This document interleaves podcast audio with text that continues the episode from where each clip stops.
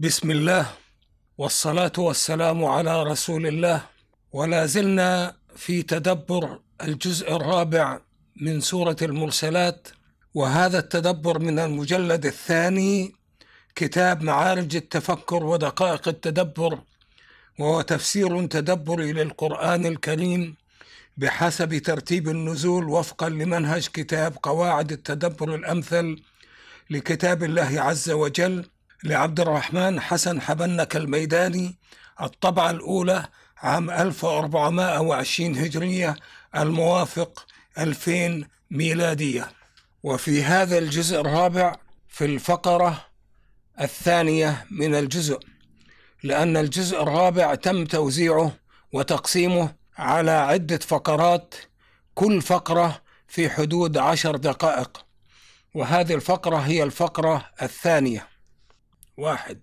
قول الله عز وجل في سورة النساء وهذه ترتيبها أربعة ترتيب مصحف 92 ترتيب نزول معالجة تربوية للمؤمنين الذين كرهوا الدخول في معارك قتالية مع الكافرين. أعوذ بالله من الشيطان الرجيم. قل متاع الدنيا قليل والآخرة خير لمن اتقى. ولا تظلمون فتيلا. الآية 77 من سورة النساء. الفتيل هو الخيط الذي يكون في شق نواة التمر. اثنين وقول الله عز وجل في سورة التوبة وهذه تسعة ترتيب مصحف ومئة وثلاث عشر ترتيب نزول.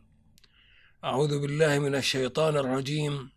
يا أيها الذين آمنوا ما لكم إذا قيل لكم انفروا في سبيل الله اثاقلتم إلى الأرض أرضيتم بالحياة الدنيا من الآخرة فما متاع الحياة الدنيا في الآخرة إلا قليل الآية 38 من سورة التوبة ثلاثة وقول الله عز وجل في سورة الرعد وهذه ترتيبها ثلاثة عشر ترتيب مصحف ستة وتسعين ترتيب نزول بشأن أهل النار الذين لهم اللعنة ولهم سوء الدار. قال تعالى الله يبسط الرزق لمن يشاء ويقدر وفرحوا بالحياة الدنيا وما الحياة الدنيا في الآخرة إلا متاع. الآية 26 من سورة الرعد. أي وما الحياة الدنيا في جنب الآخرة وبالقياس عليها إلا متاع سريع الزوال وعرضة للفناء. أما ما في الجنة من جزاء فسماه الله عز وجل في القرآن نعيما مقيما دائما لا زوال له. وفي قول الله عز وجل خطابا للمكذبين وهم ما زالوا في ظروف الحياة الدنيا كلوا وتمتعوا قليلا إنكم مجرمون. الآية 46 من سورة المرسلات. بيان لإمهالهم مع إشارة ضمنية فيها تهديد لهم ووعيد إذ فيها إشعار لهم بأنهم تحت المراقبة الدائمة وبأن تمتعهم بما يحبون من الحياة الدنيا خاضع لقضاء الله وقدره. ضمن ظروف امتحانهم وحكم الله عز وجل عليهم حكما وجاهيا خاطبهم فيه بقوله لهم إنكم مجرمون أي إنكم الآن مجرمون ما لم تقلعوا عما أنتم فيه بالتوبة والإيمان والإسلام والعمل الصالح. أما إذا بقيتم مصرين على كفركم وتكذيبكم على الرغم من كل البيانات الإقناعية والترغيبية فإنكم ستظلون مجرمين وستأتون يوم الدين مجرمين وينطبق عليكم إنكم مكذبون وتستحقون الدخول في وعيد. ويل يومئذ للمكذبين. الآية الخامسة عشر من سورة المرسلات. هذه اللازمة المختارة لتكريرها عند مفاصل السورة بفنية بديعة الجرم والجريمة في اللغة الذنب والتعدي يقال جرم وأجرم واجترم أي اكتسب إثما. المجرم هو المذنب ذنبا عظيما وقد جاء لفظ المجرمين في القرآن عنوانا مقابلا لعنوان المسلمين ووصفا للكافرين الذين أهلكهم الله عز وجل في الدنيا ووصفا للمعذبين في النار. وهذا يدل على أن المجرمين في الاصطلاح القرآني هم الذين يرتكبون الآثام من مستوى الكفر ولهذا فهم من أهل النار الخالدين فيها وهذا المعنى الاصطلاحي لا يخرج عن أصل المعنى اللغوي الذي هو قطع الشيء من أصله. ومن الأدلة على هذا المعنى الاصطلاحي ما يلي واحد قول الله عز وجل في سورة القلم وهذه ترتيبها ثمانية وستين ترتيب مصحف أربعة ترتيب نزول.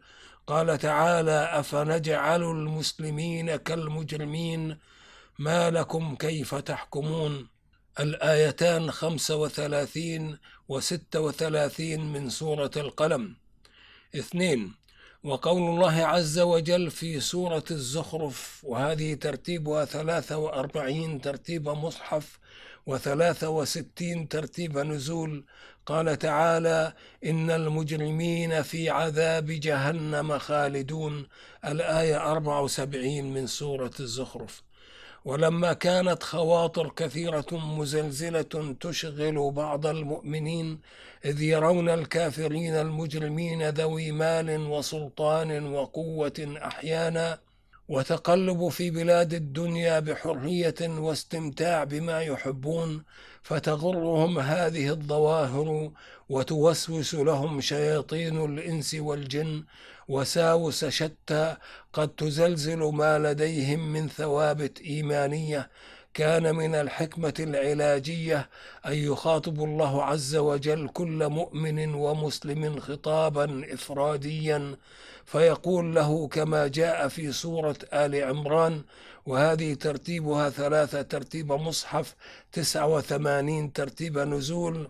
قال تعالى لا يغرنك تقلب الذين كفروا في البلاد.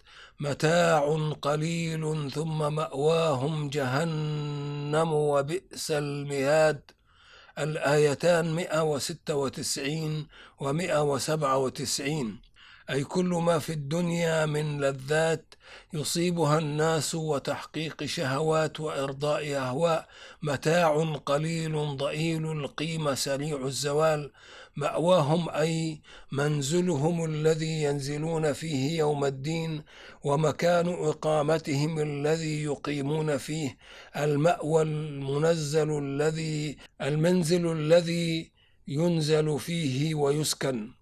جهنم اسم علم من أسماء دار العذاب يوم الدين ويقال للقعر البعيد في اللغة جهنم.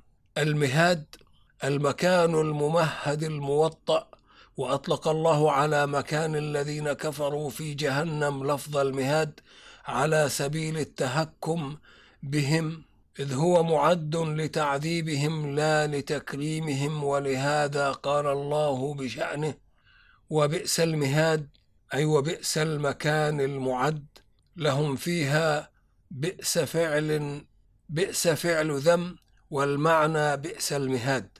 وبهذا نكون قد انتهينا من التدبر التحليلي للدرس الخامس من دروس سورة المرسلات. ونستودعكم الله الذي لا تضيع ودائعه. والسلام عليكم ورحمة الله وبركاته.